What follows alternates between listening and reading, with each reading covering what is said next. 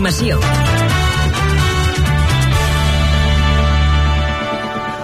Bona tarda, a les 6. Com tenim el trànsit d'aquesta hora, equip viari Catalunya Informació? Bé, doncs es mantenen les retencions a la C58 i 73 de Montcada i la Pota Nord des de Badalona fins a entrar pel nus de la Trinitat, a l'autopista del Maresme a Sant Adrià d'entrada i a, a, a Barcelona i a Montgat, sentit cap a Tordera, i també hi ha retencions a la P7 de Santa Perpètua a Barberà que es mantenen en direcció cap al sud. Avui Pedro Sánchez s'ha assegurat la investidura com a president del govern espanyol. Tres mesos i mig després de les eleccions i després d'arrencar el sí de Junts aquesta setmana, avui ha aconseguit el suport de PNB i Coalició Canària i es garanteix que tornarà a ser president. El debat d'investidura es farà previsiblement dimecres i dijous de la setmana vinent.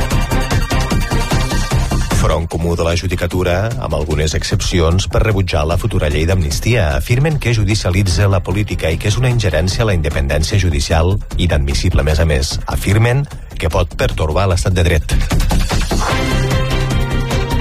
El Tribunal de Comptes manté per divendres el judici per l'acció exterior de la Generalitat als anys previs al referèndum de l'UO es farà la mateixa setmana que previsiblement registrarà la llei d'amnistia que podria donar cobertura a la trentena llarga de líders independentistes que s'hauran de seure al banc dels acusats. Tres hospitals de Gaza on hi ha milers de persones refugiades estan sent atacats les últimes hores per l'exèrcit israelià. Des del més gran, al Shifa, asseguren que hi ha hagut 13 persones mortes i que estan envoltats per tancs hebreus. El director de l'Hospital del Xifa informa que han rebut una cinquantena de cadàvers procedents d'una escola que ha estat bombardejada avui al matí. La jutgessa que instrueix el cas Icoxe, que investiga l'explosió mortal que hi va haver a la planta del polígon petroquímic de Tarragona l'any 2020, comunica l'obertura del judici oral. El magistrat demana als acusats i responsables civils una fiança de 20 milions d'euros. La Fiscalia sol·licita penes que sumen 33 anys de presó per aquest cas. Companyia teatral Les Antonietes d'Oriol Tarrasson i Anabel Castan s'acomiada dels escenaris amb Dona, un text de Queral Riera a l'Espai Joan Brossa. Punt i final a 15 anys de teatre independent que li ha valgut el reconeixement de crítica i públic amb obres com Stockman, Vània o Un dia qualsevol. Catalunya Informació. Els esports. El tècnic del Girona, Mitchell, diu que l'elogi no debilita i que l'equip treballa bé i és capaç de guanyar qualsevol rival si està al màxim rendiment. Els gironins defensaran demà el lideratge en la Lliga de Primera al camp del Rayo Vallecano. Aleix Garcia, jugador del Girona, diu que la convocatòria per anar amb la selecció espanyola és un premi a l'esforç. Ha entrat a la llista per jugar els dos últims partits de classificació per l'Eurocopa de l'any que ve. A l'Eurolliga de bàsquet, Barça Estrella Roja, dos quarts de nou, amb transmissió pel web i l'app de Catalunya Ràdio i la plataforma 3CAT. També avui a la Lliga Masculina de Futbol Sala, Indústria Santa Coloma, Barça, a partir de les 9.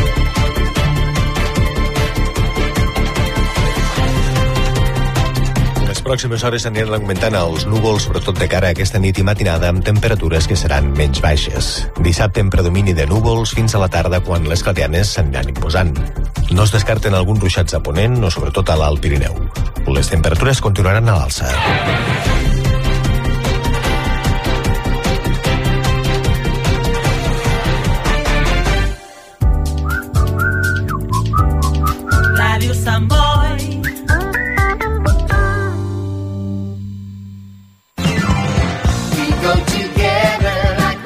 Te'n recordes? El 1978 es va estrenar a tot el món la pel·lícula Gris. El mateix any obria les portes d'Aos Moda Home al carrer Francesc Macià 86 de Sant Boi. Ara, després de 45 anys d'història i proximitat, Daos Moda Home liquida per jubilació. Tratxes des de 50 euros, camises i jerseis des de 25 euros i centenars d'articles de moda i complements a preus de pel·lícula durant les properes setmanes. Daos Moda Home al carrer Francesc Macià 86 de Sant Boi t'ofereix, com sempre, la millor atenció i qualitat.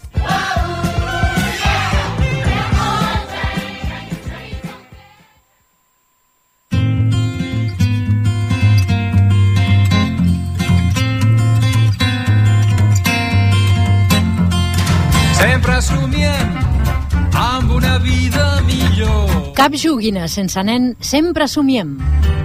Dissabte 18 de novembre a dos quarts de set de la tarda a Cal Niño. Amb la música en directe de 53 Driu, Blue Room és Duo, Nando Picó, Paul Xelú i Kerry Pastin. Cap joguina sense nen, sempre somiem. Concert solidari, donatiu 10 euros. Reserva d'entrades a nervus39 arroba hotmail.com. Tota la recaptació es destinarà a l'apadrinament de cartes als Reis de la campanya del Barri Centre i Vinyets Molivell. Organitza Manel Marín del programa Born to Vivat de Ràdio Sant Boi i col·labora Ajuntament de Sant Boi.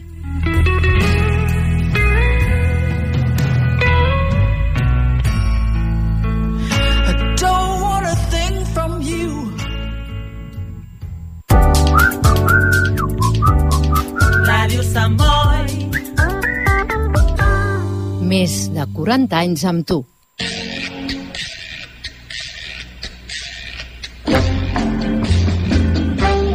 Gerada. El cinema que coneixes i el que no podries imaginar.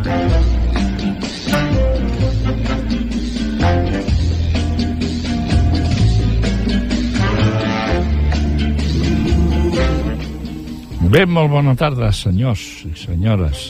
Abans, eh, eh, eh, senyors i senyores, primer es deien les senyores i després els senyors. Senyores i senyores, eh, Teo Flores.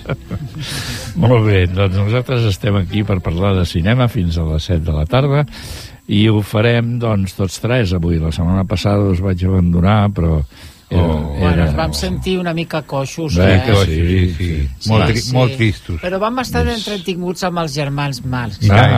Ah, mira, amb la sopa de La ganso. sopa de ganso. aquella era bona, eh? Sí. Molt Tac, bona. tac, sap.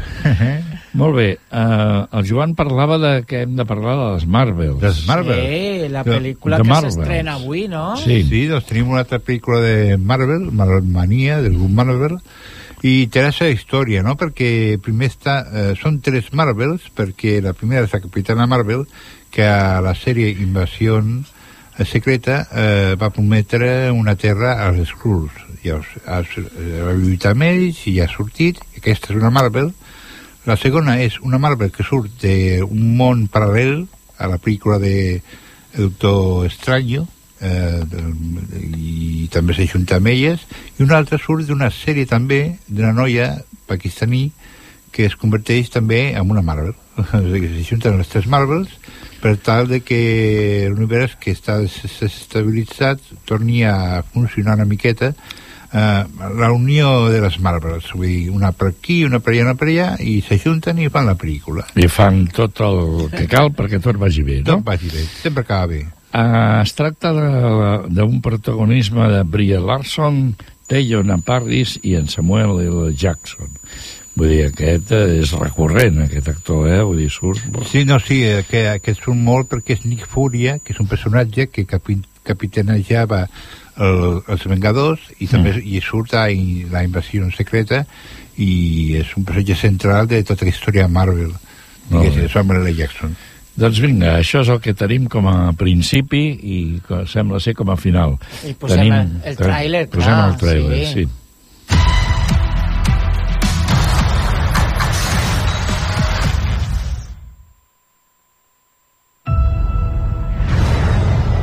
Carol Danvers, la hija pródiga de la Vía Láctea. Nick Furia, mi hombre favorito de un solo ojo. ¿Qué tal todo por ahí? Ah, ya sabes, hace frío, no hay aire. El espacio.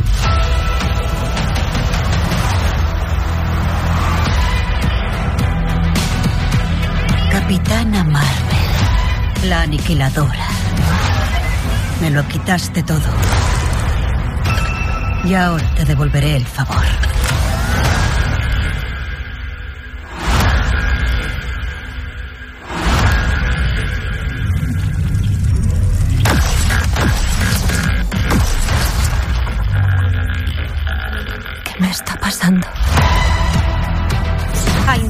Nuestros poderes lumínicos. Así que nos intercambiamos cuando los usamos. Buena teoría. Tú puedes absorber la luz. Yo puedo verla. Y Kamala. ¿Quién es Kamala? Hola. puede transformar la luz en materia, cosa que no había oído nunca. Os lo puedo enseñar. ¡No!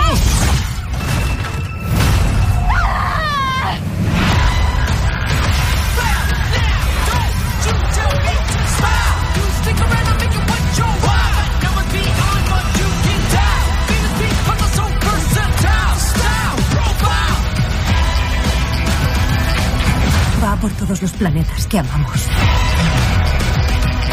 Yo jamás elegiría meter a nadie en esto. No eres lo único que se interpone entre esto y el universo. ¡Hala! ¿Somos un equipo?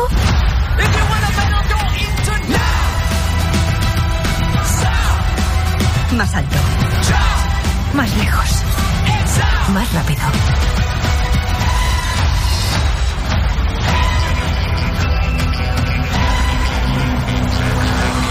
¿Quién es un gatito bueno, Gus?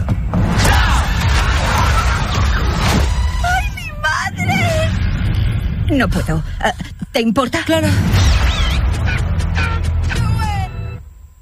Bé, doncs està prou bé, això. Ja sabem de què va una mica, eh? Mm. El que tu has explicat i, i, i som-hi. Alguna vegada acabarà tot aquest món Marvel? No. i- Em sembla que ja és i, i un món infinit, perquè clar, si tenem en compte tots els còmics Marvel que han sortit, tots els personatges que han sortit des dels anys 60 fins ara mateix, hi ha tant per descobrir de Marvel que mm, algun dia s'acabarà, però no, no crec que Joan, s'acabi. eh, pel·lícules estem veient que no, però còmics en, encara continuen creant-se personatges nou d'aquestes cases o són els personatges clàssics de- de- de- d'alguns anys? No, van, van avançar molt, van Van avançar molt. Eh, és a mesura de, de ideologia que hi ha en aquest moment, no? I, i potser la informàtica ha influït molt en personatges informàtics, personatges telemàtics, eh, altres que els clàssics són els clàssics com els Vengadors, perquè això ha quedat molt enrere. Ara hi ha molta imagineria molt moderna, amb molts poders, amb també la salut mental influeix molt, i és el que és el, segons com va la, la vida, diguéssim, o la temàtica de la vida, van apareixent molts personatges de diferents parts del món, és molt interessant, és evolució segons la vida que hi ha al, al voltant. I tots són capitans i capitanes. No, no, hi ha, hi ha no... No, Super, Superman... Superherois. Superherois. No, no, no, Superman és de DC. Va, perdó, perdó, Batman, de, Batman És- Aquaman, sí. Flash és DC. És La meva diferent. ignorància. Cal, cal diferenciar DC, que és una marca, i la Marvel, que és l'altra. Va, perdó, Hi ha perdó. semblances, hi ha semblances, però no... Què t'agrada més, tu, la Marvel? o Marvel la... sempre tota la vida. Marvel. Mar- Marvel. La Patrulla X és per mi la, la millor. Doraemon, el nou dinosaure de, de Nobita. Aquesta és una pel·lícula que, com molts saben, és de Kazuaki Mai, Toshihisa Yokoshima, i que, bueno, doncs la Nobita troba una roca que sembla un ou de dinosaure fossilitzat. Llavors, amb el mocador del temps d'en Doraemon, el torna al seu estat original i en surt, en surten, perdó, dos dinosaures bessons que cria en secret fins que és massa tard. Grans, fins que és, són massa grans per tenir-los a l'habitació. Llavors decideixen retornar-los a la seva era, o sigui, a l'època que pertanyen. Jo he de defensar a Doraemon. Sí. Porque yo de gran vull un Doraemon. Porque el Doraemon és un robot, és un gat. Gat, Gat sí. còsmic. gat còsmic, robot, que eh, dona tots els desitjos. Vull dir, si necessito alguna cosa, ahí està el gat que Com m'ho allò de la làmpara aquella, no? Que... I aquesta és la nostra societat d'ara, és a dir, que busquem sempre que algú ens faci tot. Val. Ens posam a plorar, immediatament el robot li dona llàstima de que el Novita plori i jo te l'arreglo tranquil, que tu no què, patiràs. Què vols, tu? És això el que esperem o m'he d'esperar un altre tipus de robot? Què, què faig? Jo personalment espero una altra cosa, però ho he de dir. Jo, Em sembla...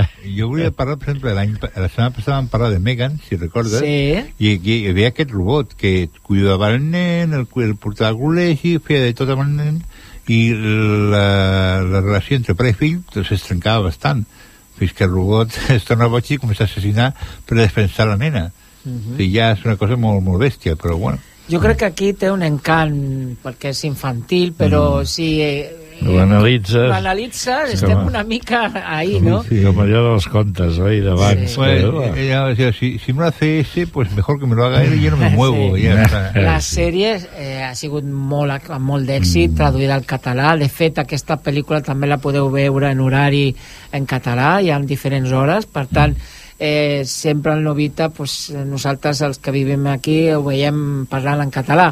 Ho Però, fa, fan totes les, les, les sèries, en, eh, les sessions en català, totes. Sí, sí. quasi totes. Tot- tot- no, tot- totes, tot- tot- totes, tot- totes, No, no, és totes, veritat. sí. Sí. I, i s'ha de dir també que, que les pel·lícules que ja han editat vàries no tenen tant d'èxit com la sèrie. La sèrie és mítica. Crec que és un, un còmic que té ja més de 30 anys, eh? vull dir que no és una cosa, una novedat, però el fet de passar-lo al cinema ha fet que els dibuixos siguin més rodonits, més tre en tres dimensions, i clar, eh, la gent estima més aquell tipus de, de còmic japonès que ja hem vist, molt pla, eh, i clar, a vegades costa, no? És com si veus la, ara mateix dels dibuixos de la Heidi o de la Beja Maya, que també han variat molt. Ja no són com aquella nena plana, sinó que són amb tres dimensions. A mi, particularment, pues, falta cosa, però bueno, A mi, a mi diguen que estic antiquat, però jo veig de vegades dibuixos a la tele i no s'entén. veig, com una taca vermella o una taca blanca una taca, i perquè què representa això, no? En un moment que era el Paspani, el Patrucas els Ja. clàssics, no? Però, vull dir, i les nens els agrada i flipen amb aquests colors, no? No sé si té relació amb la ment o la relació de la ment amb el dibuix o... o què. Pues si us sembla, jo penso que no sempre posem trailers de dibuixos animats, però jo crec que Doraemon sí que s'ho mereix. Eh, sí, sí. Sí, vinga, va, va, va. va. Claro, te llamarás Q y tú serás Mew. Criar a un ser vivo no es tan fácil como tú te crees. No tengas miedo, está muy bueno, ¿verdad? Tú eres como una madre para ellos. Mew está comiendo, pero Q no quiere nada. Q, tienes que comer. ¿A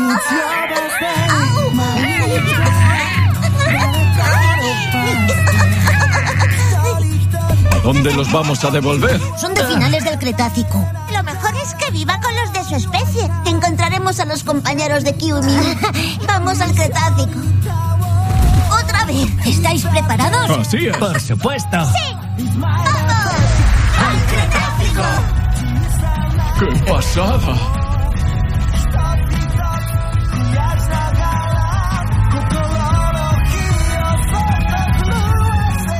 Sabe volar! Si lo devolviéramos a la era de los dinosaurios, no sobreviviría. ¡Comienza la operación de rescate de los dinosaurios!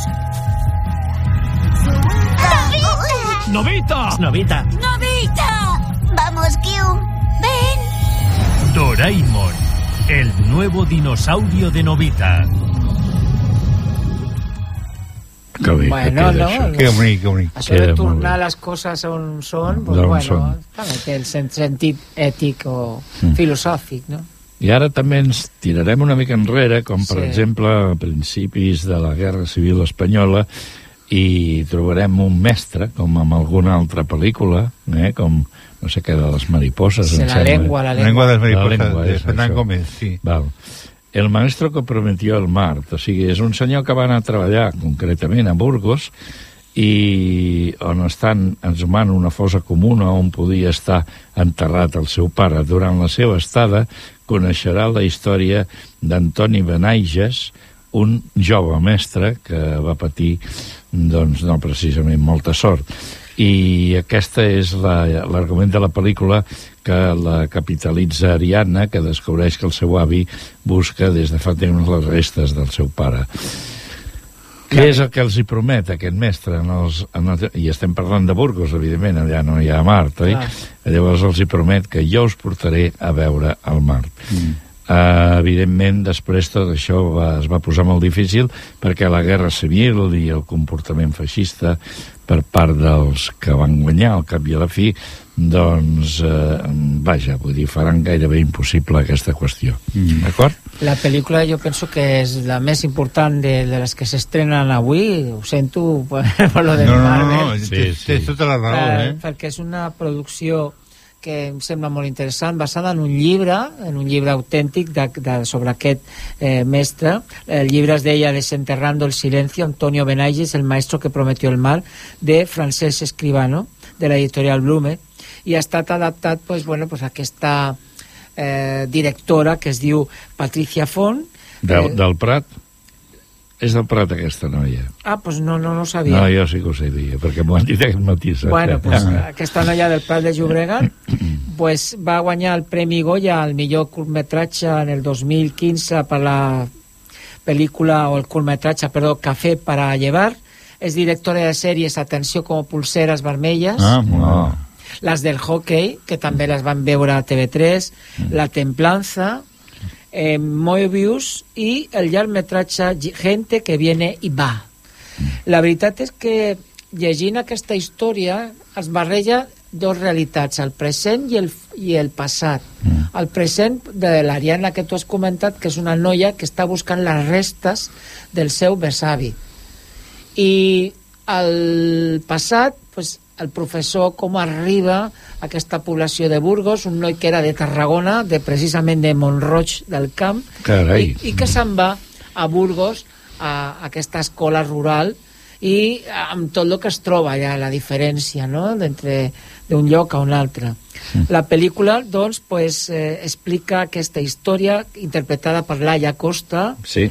que posa en valor la lluita de tantes famílies que encara va, busquen els seus familiars enterrats en fosses comuns, mentre que Antonio Benagis, que està interpretat per Enric Auquer, és un homenatge a tots els mestres republicans que eh, van tindre pues, un present en aquell moment molt important en la, en la didàctica i en l'ensenyament.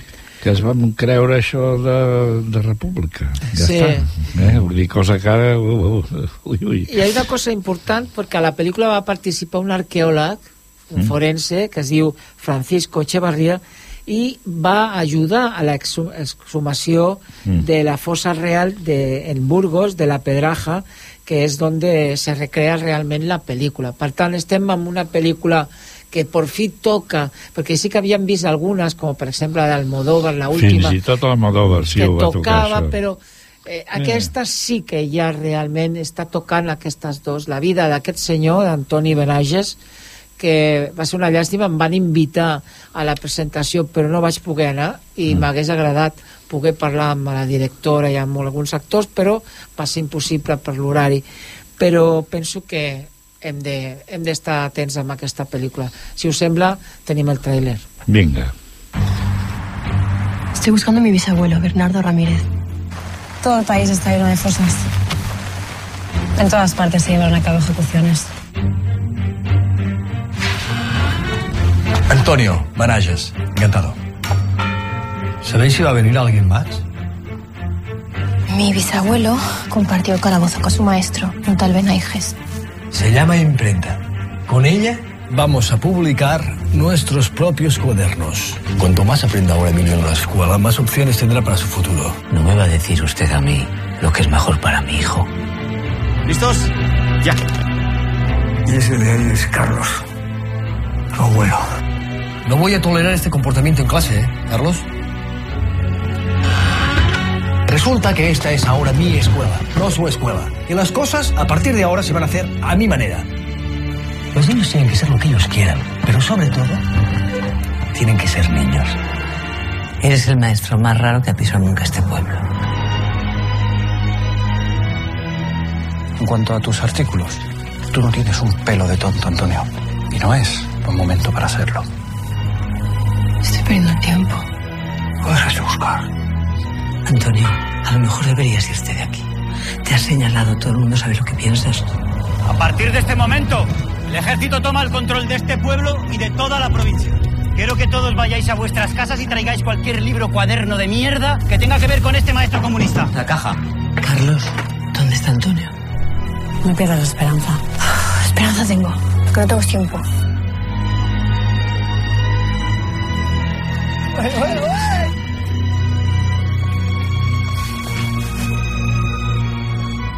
¿Os gustaría ver el mar? Sí, sí. Pues quiero que enseñéis este cuaderno en casa y que vuestros padres lo lean, que les digáis que este verano el maestro os llevará a ver el mar.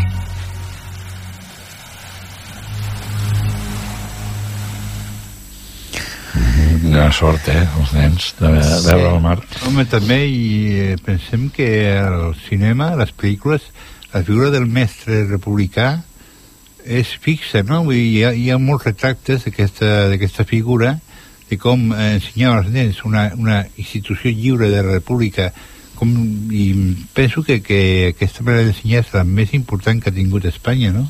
Mm. Després va venir l'època de Foscor i tancament, però aquest temps de república de 4 o 5 anys va ser molt important per a l'educació dels nens.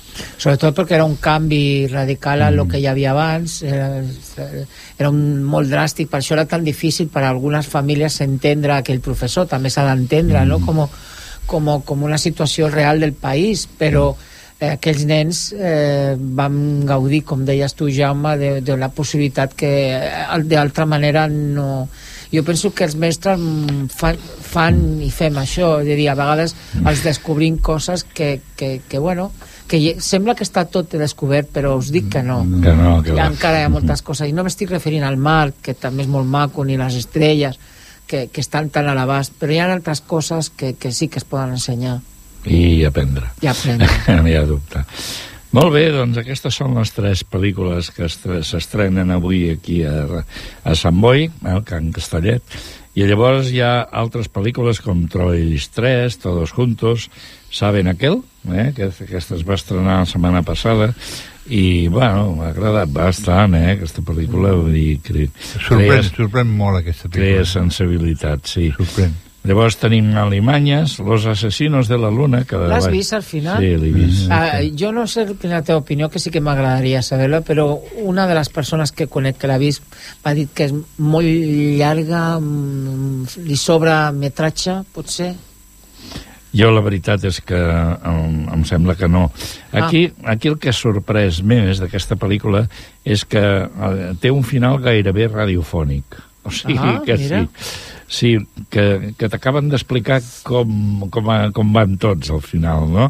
I llavors això hi ha hagut un que diu a mi m'han desorientat amb això perquè, carai, ens fa una exhibició de 3 hores gairebé eh, de- d'imatge i llavors de cop i volta ens explica què és el que ha passat cadascú, eh, diríem, amb la veu només, no? I llavors jo, jo li vaig dir dic que vaig quedar molt sensibilitzat jo amb aquesta pel·lícula, ara estic parlant de mi, eh? I la veritat és que gairebé ho vaig agrair que expliqués el final de la manera que ho explica, oi? Passant de puntetes sobre tot el que eh, aquests personatges van acabar vivint. És molt angoixosa. Ja sé que totes aquestes històries corresponen al que nosaltres doncs, ja sabem, perquè això ho sabem de, de sobres, que, que hi va haver uns indis que van que van, eh, que van tenir molts diners perquè es va detectar petroli en el terreny que els hi va concedir l'Estat, no? Però, ostres, tot plegat explicat de la manera que s'explica, amb aquesta mena de maldat que eh, ja sabem que existeix ara, i tot plegat, doncs la veritat és que em va, em va agradar molt a mi i eh, feta per l'Escorsès, doncs què vols més que et digui? Això és una autèntica meravella. Llavors tenim aquesta pel·lícula, Five, Five Nicks Freddy's, Fai, fai. Fai, Fai Nicks Freddy, que és una pel·lícula que ha sorprès. Es veu que és un joc eh, de... Eh? És un joc de... com se diu això? D'ordinador, no? De rol, de, rol. De rol, De rol. sí. I llavors, doncs, això és el que ha fet anar al cinema a tots els fans d'aquesta constant i bé, vull dir que s'ha omplert aquesta setmana passada tots els cinemes gràcies a això i ha fet una, una pila de diners. Bé, després direm-ne que la tarima que tenen a Can Castellet, que és dijous, eh, novembre dia 8, Falcon and Firkin serà el que cantarà i la pel·lícula que començarà i en parlarem la setmana que ve, és Los Juegos del Hambre, una pel·lícula que eh, ballada de pájaros, eh, cantores, serpientes, en fi, de direcció Francis Lawrence i amb, amb Tom Bleed, Michael Zeller i Hunter Saffer. O sigui que la setmana que ve tindrem eh, oportunitat Home, es pot de dir que és com, com va començar, de quina manera va començar els Juegos del Hambre i com va continuar amb les tres pel·lícules que de fa 3-4 anys que van fer. Mm. Tres o quatre anys només fa, vols dir que no en fa més? O una mica més, no sé. Sí, Igual una mica alguna més. més eh? Una més. Uh, dit això, doncs uh, comencem allò que dius tu. Doncs comencem una sèrie en sèrio i a veure si coneixeu aquesta sèrie. Sintonia. Bé,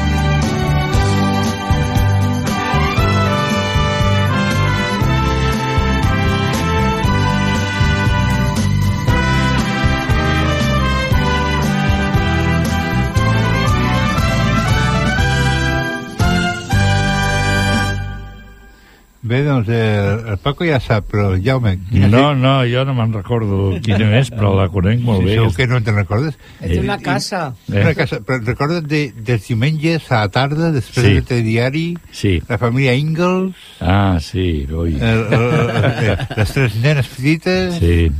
El, el com era l'actor? Michael El Landon. Michael Landon, Michael Landon, sí. la casa de, De la la, Pradera. pradera, la casa pradera, Sí, una sèrie i- mítica, no sé, I mítica això què passa 74. ara, que ho renoven o com va això? No, no, Era un que- record. És un record, és un, és, S'ha ha posat el Joan una mica nostàlgic. No, Sí, sí, sí, ja que jo me'n recordo dels diumenges quan acabàvem de menjar i, i quan ploràvem eh, amb, aquella nena que es feia mal i l'altra que era cega i tornava a veure i me'n recordo que sempre estaven somrient vivien, sempre estaven contents, no passava res, es cremava la cabanya, no passa res. Era una elogi a la, a la família. A l'alegria, a l'alegria i a la A família. la família. A la família, a la família amiga que s'ajudaven els amics i tot. Mm. Era molt maca, aquesta, era molt maca. A la família conservadora d'aquells pioners que van anar... Ja no he a volgut dir tant, jo. bueno, però s'ha de dir que són aquells que van anar i es van atrevir com a pioneros que per als americans era un orgull tenir aquesta gent que ho va donar tot per arribar a l'oest, que esta era inhòspito, que havien indis, Sí. i bueno, van crear allí els seus poblats amb tota una sèrie de veïns, i és el dia a dia d'aquestes Ah, jo, famílies. jo me'n recordo més de Fletxa Rota, per exemple. Ui, però això és una pel·lícula anterior, estem parlant dels anys 70. Però, però és una sèrie, no és una pel·lícula, és una sèrie. La, la Laura Ingalls és del 72 o 74, sí, 74, 74. 74. Cosa 74 fins al 8, 80 poc, 80... Sí, sí. Fletxa La Laura eh, Ingalls. Saps quina era aquesta, la Fletxa Fletxa Rota? Rota, sí. Spencer Tracy... Uh, Perquè això és una pel·lícula, home, estem parlant de sèries, ara es toca sèries. Deixa't estar de pel·lícules ara, va. Ah, sí. Comença. Mira, comencem a parlar d'unes quantes sèries noves que han sortit ara mateix eh, del forn. Aquesta, aquesta la primera és un biopic, un biopic eh, d'una actriu de, de sèries, precisament. Es diu Noli, és la primera temporada, tercer cap, tres capítols i de... Que, mm, anglesa, diguéssim, no molt anglesa. L'Helena Bonham Carter és la Noli del títol, una Nola Gordon que s'ha de definir com carismàtica, afable i autoritària. Una dona que, a l'haver mutejat la telenovel·la al voltant de la seva presència, no interpreta ni una paraula del guió amb, amb la que no estigui d'acord. A més de fer la punyeta a la resta d'actors, amb les seves preferències, la sèrie tracta la realització del Crossroads, que és com es deia la sèrie que feia aquesta dona, una sèrie més entre el 64 i el 86. 1964 i 1986, i els episodis duraven 20 minuts, i era rodada com si fos en directe, recol·locant a l'actriu en l'imaginari popular aquesta sèrie per tal de eh, la seva presència als matisos misògins que fan, van formar el seu comiat. Una altra sèrie, també bastant nova, una segona temporada, 12 capítols, són els Ridge, de, de, de presència canadenca, es basa en les memòries del còmic Mark Ridge, és una comèdia canadenca de maduresa sobre la infància. De nen, Mark viu amb els pares i comparteix habitació amb l'avi. Mark ha estat traslladat lluny de casa per anar a l'institut i pateix l'acòs constant d'una noia anomenada Fox i dels seus germans més grans, tots ells coneguts per ser acusadors escolars. Per sort, es fa amic de Richie Pérez, un noi filip, filipí que és l'única persona de color de l'institut. Hi ha molts desafiaments, però Marc aprèn sobre l'amistat, a créixer i ser ell mateix. Una altra molt interessant també, molt, molt curteta, són només quatre capítols, és la primera temporada, de procedència americana, La luz que no puedes ver. A la final de la Segona Guerra Mundial, les vides d'una noia francesa cega i un soldat alemany es creuen.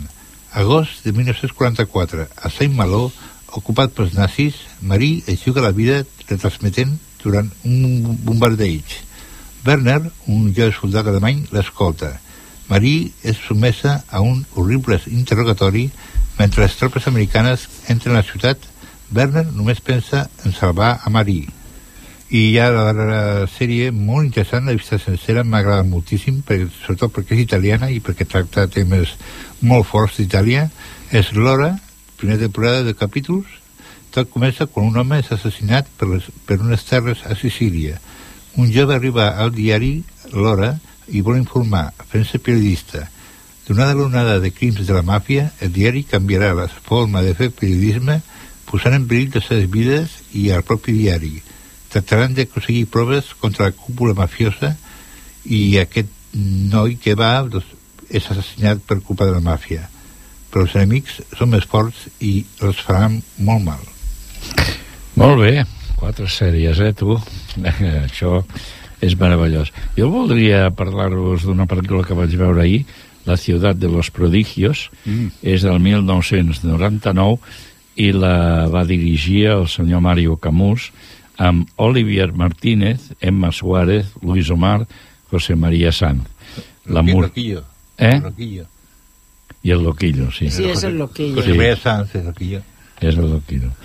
Dir la ciutat de, de, de los prodigios és un assaig d'una certa èpica barcelonina perquè això va començar el 1888 amb, el, amb aquell gran muntatge que van fer allà a l'Arc del Triomf, no? L'exposició universal del Ah, 29. Això, això mateix. No, el 29 és quan acaba la pel·lícula. L'exposició universal és, és, estan construint l'exposició universal estan en fase de construcció Sí, però fixa't que del que parla la pel·lícula Mm. és del 1888 fins al 1925. Mm. I llavors, durant aquesta època, el que hi va haver va ser molts pistolers que Mm. estaven contractats pels mateixos sindicats, també, evidentment, també es veu això, i llavors, bueno, una pel·lícula completa, vull dir, amb una densitat de matisos, pertany a una novel·la del senyor Mendoza. Marc García, no, això, Mendoza, sí, Eduardo Mendoza. que t'ho he recordat sí. allà. Val, llavors, doncs, bueno, a mi em va agradar molt. Per què? Perquè parla de coses que normalment s'han silenciat fins ara, no? Eh, la setmana tràgica també està al vell mig de tot plegat, no? I això, quan eh, el que deien molts, diu, eh, si no es parla d'una cosa és com si no hagués existit. I nosaltres el que hem de procurar fer, encara que ens pugui doldre, que crec que ja no serà tant perquè el desig de que ens ho expliquen és molt més alt, doncs saber totes les coses. I aquesta pel·lícula, per mi, el que té és la virtut d'explicar-nos un munt de coses que van passar del 88 fins al 25, no? Molt bé, eh? Molt bé. El, potser el que passa és que va voler agafar totes les coses que explica el llibre eh, i llavors li queda com una mica sí, és veritat eh? densa i, i a més a més com perquè no sigui densa llavors s'inventa una manera ràpida de, de, de dir-ho no? és com el d'allò de l'Escorsès i em sembla que li fet massa llarga aquesta pel·li i ara explicaré això i ja està. Sí, jo, jo he llegit el llibre de Mendoza i és espectacular el llibre, és molt interessant, molt eh, milimètric, no? De, de, de descripció de les persones, dels fets... Això. I en veure la pel·lícula em vaig quedar una mica orfe, no? Dir, Sí. me falta cosa, no? I més aviat que fer una pel·lícula hagués fet una sèrie, precisament de la pel·lícula, sí, sí. Ah, llavors no se'n Eh, feien. No, bueno, sí que se'n feien també. Sí, però, però- És, que, és, és com tu dius, que la pel·lícula està molt condensada, està Sí. molt, molt, molt, molt, molt apretada, diguéssim, molt, molt, Ah. passen moltes coses, però no... I a més que surt el meu estimat Loquillo per allà fent un paperet d'amic Ah, sí? T'agrada el Loquillo, tu? Loquillo és. No, no.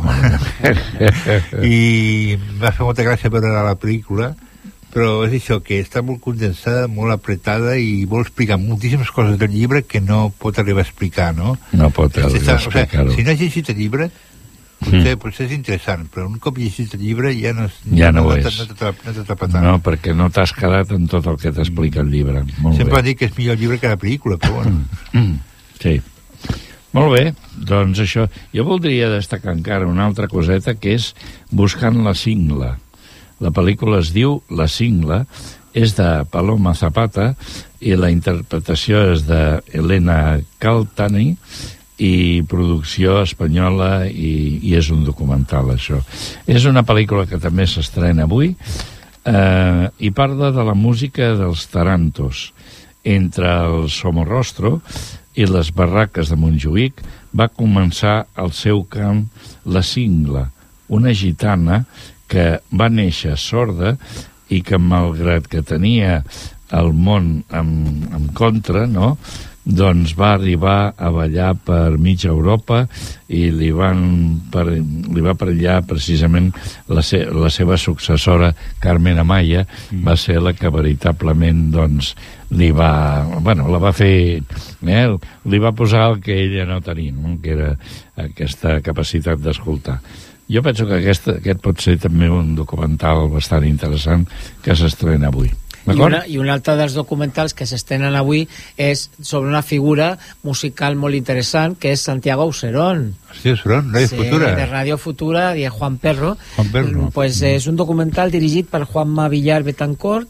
i parla una mica d'aquest músic que es va trobar en contacte amb la música de Cuba eh, del son cubano i fa un documental de 99 minuts eh, i va, va, busca aquesta tradició espanyola amb aquella zona de Nueva Orleans, de Cuba, la barreja del jazz, del son, i bueno, sembla molt interessant. I us he portat el tràiler, és una mica llarg, però no el posarem tot, però sí una mica perquè veieu, en paraules de Santiago Serón, eh, una mica que per on va el, el documental.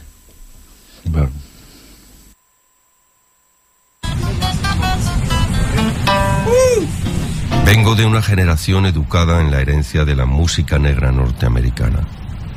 España dejó de prestar atención a los sones que le recordaban la pérdida de su colonia más preciada. Y la industria fonográfica internacional condicionó nuestros gustos musicales desde la infancia. Ya en la adolescencia entendimos que aquello guardaba alguna relación con los derechos civiles de los negros.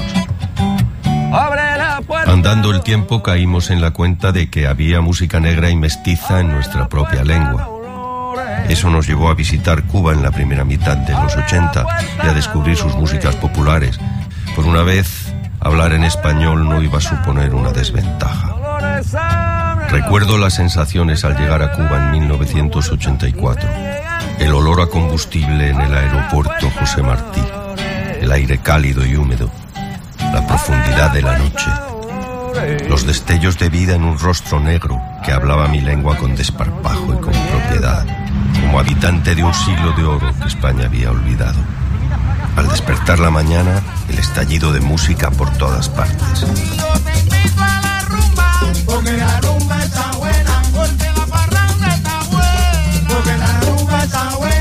Mira, la gente que viene como yo del rock y del jazz, que nacimos pues bajo el influjo de la música norteamericana, negro norteamericana, ¿no?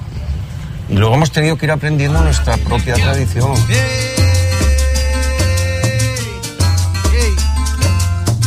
Qué mala suerte la mía. Tengo. Mala fortuna tengo. Siempre me estoy agarrando. Que se está cayendo. que Tras la disolución de Radio Futura, la invención del personaje de Juan Perro, trovador eléctrico mestizo de bluesman y sonero, me ayudó a asimilar el influjo cubano. Sin el motor musical de Cuba no vamos a ir a ningún sitio. Hace falta el motor musical de Cuba. No me dejes. No entiendo por qué España olvidó los mejores tesoros de Cuba. La gente hermana, la lengua, la memoria del mestizaje y un mapa musical fascinante. Como rockero me tocaba asimilar las verdades del nuevo mundo, buscar equilibrio entre las dos vertientes del influjo africano, la anglosajona y la hispana. Me puse a ello durante décadas, haciendo caso omiso de las críticas que me reprochaban haber dejado atrás el éxito comercial. Alternando viajes a La Habana, a Santiago de Cuba y a Nueva Orleans, comprobé las consecuencias musicales de la conexión entre sus puertos a lo largo del siglo XIX. Estaba todo ahí ya en el siglo XIX, ¿no? Quería rock and roll, pues toma rock and roll. Claro, claro. Aquellos que de amor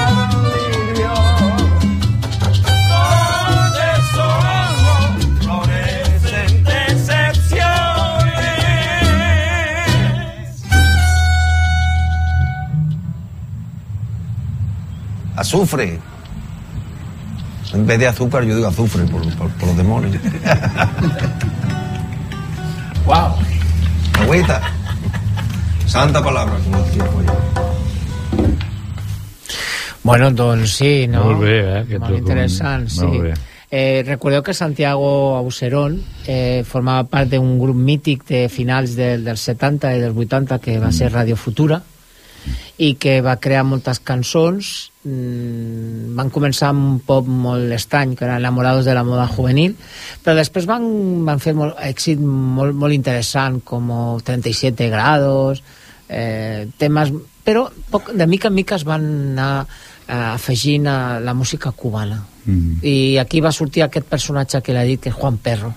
A partir d'aquí, Juan Perro es va convertir en, en l'altre after ego, no?, de, de la música, i va tots aquests sons d'influència israels cubanes Ens els va les- posar. les va posar. Lo maco d'aquest documental és aquesta relació entre Espanya i Cuba, el que ha dit al començament, no? que Cuba va deixar abandonada eh, va ser abandonada per, per Espanya com a colònia que va ser, no? Ja no podien, no podien treure més d'allà, ja es Sí. veu. Jo, parlant de música, per exemple, veig que sóc un fanàtic de Ràdio Futura perquè és increïble les lletres que tenen, com canten, fins i tot el poema de Carolan Poe, Anna Berlí, no? Anna Berlí. És, és increïble eh, com, com amb paraules molt complicades i a la vegada que sonaven molt bé, no? I el canvi radical que va fer el Santiago Serón en cantar com el Juan Perro, vull dir, amb llatins, sons, cum, cúmbies, molt, molt, molt, molt cubà, no? Molt, molt, molt diferent, no? Vull dir, de tu escoltes la futura i dius, com pot ser que hagi arribat aquí, no? Hi ha un procés que ha arribat aquí, no? Pues sí, és, està molt interessant i bueno, no, no ho fan en molts cinemes, eh, també s'ha de dir, Mm. però passarà molt aviat a les plataformes. Fixeu-vos que aquesta temporada i part de la temporada passada van posar molts documentals de músics. O sigui, no cada setmana, però sí cada dues setmanes sempre hi ha algun músic hem vist, eh, he anat posant, no? I, Mhm. i penso que tot i que aquí no les veiem a, als nostres cinemes, però sí que bueno, pues, a vegades també hem d'escoltar eh, coses Hem interessants. d'estar al cas de tot el I que com jo tinc s'estrena. una mica cap a la música, pues... Clar, per això, per això ho fas. Molt bé. I Què, bueno. ten, què tens més? Per a... Bueno, jo tinc per acabar una cançó de, de Ràdio Futura, Hombre, evidentment, clar, clar. però encara ens queden uns minutets, si voleu dir alguna eh. cosa, no sé. Sí. Bé, vull dir, jo, jo aquesta, sem aquesta setmana he vist una, una pel·lícula que te l'he que te te, te explicat ah. quan estàvem a punt de començar el programa eh, ara mateix no me'n recordo quina és, val a dir-ho, no? però que em va, em va flipar, o sigui, que em va interessar moltíssim. Eh, Llavors jo podria dir-te que la pel·lícula aquesta és, és com, com si recuperessis, per exemple, Cotton una... No era de Cotton Club? Cotton Club, Cotton era, Club. sí. Era, era Cotton Club, però... No, no. però Cotton Club era la que... El Padrino? El Padrino, exacte, Padrino, sí. El Padrino, el gran Padrino... Sí, que El Coppola. mig, mig dormint gairebé, vull dir, vaig veure...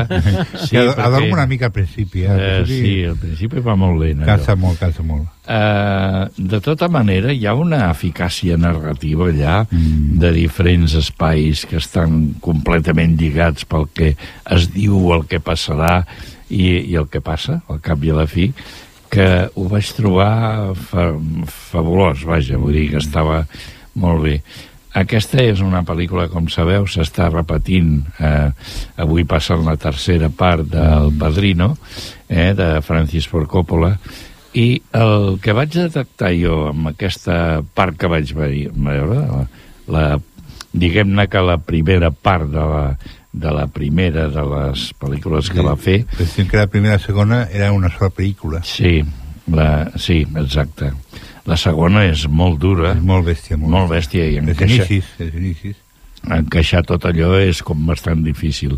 I per últim, el que he observat, i tu mateix m'ho has dit, hi ha la tercera part del que és la, la, el padrí, i aquesta, aquesta ha, ha desencaixat. O sigui, aquesta no ha encaixat amb el públic. És com, com si no, com, com, com si la neguessin. És com, sigui, com si fos una pel·lícula independent. Que no Com si fos independent, sí. Perquè és que es, va fer als 90 i, i la vaig veure al cinema i em vaig quedar igual. No, Vaig quedar, No et deia res. Havent vist la primera i la segona, Mm. la tercera em quedava una mica des, despenjada. No, no, I el- és que la, la trama de les primeres, de quan assassinen els, els, els, els, bisbes, els, els cornets de la sèrie assassinats i van tocant la campana, està molt ben filmada, molt ben dirigida, tota seqüència és la seqüència que ha de ser, Mm. i fins i tot al principi, quan hi ha la boda, però és excusa perquè els altres demanin favors al padrino, també, no? O a Jo- l'hospital, quan està a l'hospital i se l'emporten i l'amaguen perquè ha hagut un atemptat contra el padrino. Però la tercera és molt difosa, no? no a mi no... És que és l'evolució que té la màfia, precisament, Mm, allà als Estats Units, no? I llavors, quin és l'interès que jo hi vaig trobar? Que ja no hi ha ningú que no s'apunti a l'avantatge de les que mm, a l'avantatge que ofereix el fet el padrino o els padrinos és igual, no? Sinó que ja és com un hàbit que existeix resols els problemes, això ja t'ho marca des del bon principi, eh? Mm. Quan aquell li diu, home, diu, però tu eh, has passat de mi fins ara, i ara què vols, no? Oh, és que jo vull que m'arreglis això, sí, sí, és allò del cavall, em sembla, i tal. Sí, que tallen el cap del cavall. Sí, sí. Llavors jo la veritat és que em va sorprendre la duresa i probablement la manca de sensibilitat per explicar una història com aquesta i mm, deixar-ho deixar-ho en aquella sensibilitat que crec que té la maldat, al cap i a la fi, o sigui, el que és el mal, les màfies no, no en fan cap de bé. Al contrari, el que limiten és llibertat amb totes les paraules, no? I llavors em va, em va sorprendre aquesta part final del Padrino que parli de, de que tots poden acabar atrapats amb aquesta protecció. Al cap i a la fi, aquest paternalisme, no? Mm. I això és el que crec que té de molt Mira, interessant. Jo vaig llegir jo El Padrino eh, i la pel·lícula aquí sí que supera, supera al 100%. Sí. És molt millor la pel·lícula que el llibre. El llibre, El no, llibre. és molt senzill, molt... No, elemental. Eh, I la pel·lícula supera molt, molt, I molt aquí és on està el valor que té aquesta Sí, sí, pel·lícula. Va, que li traurem el protagonisme. No, a mi... Ah. Lo que sí que podem és anar acabant ja el programa, no sé si, si podem posar ja el, el tema, jo crec que sí, és un tema llarg, no, Mm. Lando? Podem posar-lo i ens acabem amb el Ràdio Futura ja que estem parlant de Cuba, que millor pues, que escoltar un dels temes que segurament pues, esteu esperant, que Semilla. Semilla Negra. Semilla Negra, Semilla Negra. Així va començar eh, el seu la seva relació amb Cuba amb aquesta cançó i a vosaltres pues, fins la setmana que ve. I tant. Adéu, Que vagi bé. fins la setmana Adéu. que ve. Gràcies, adéu.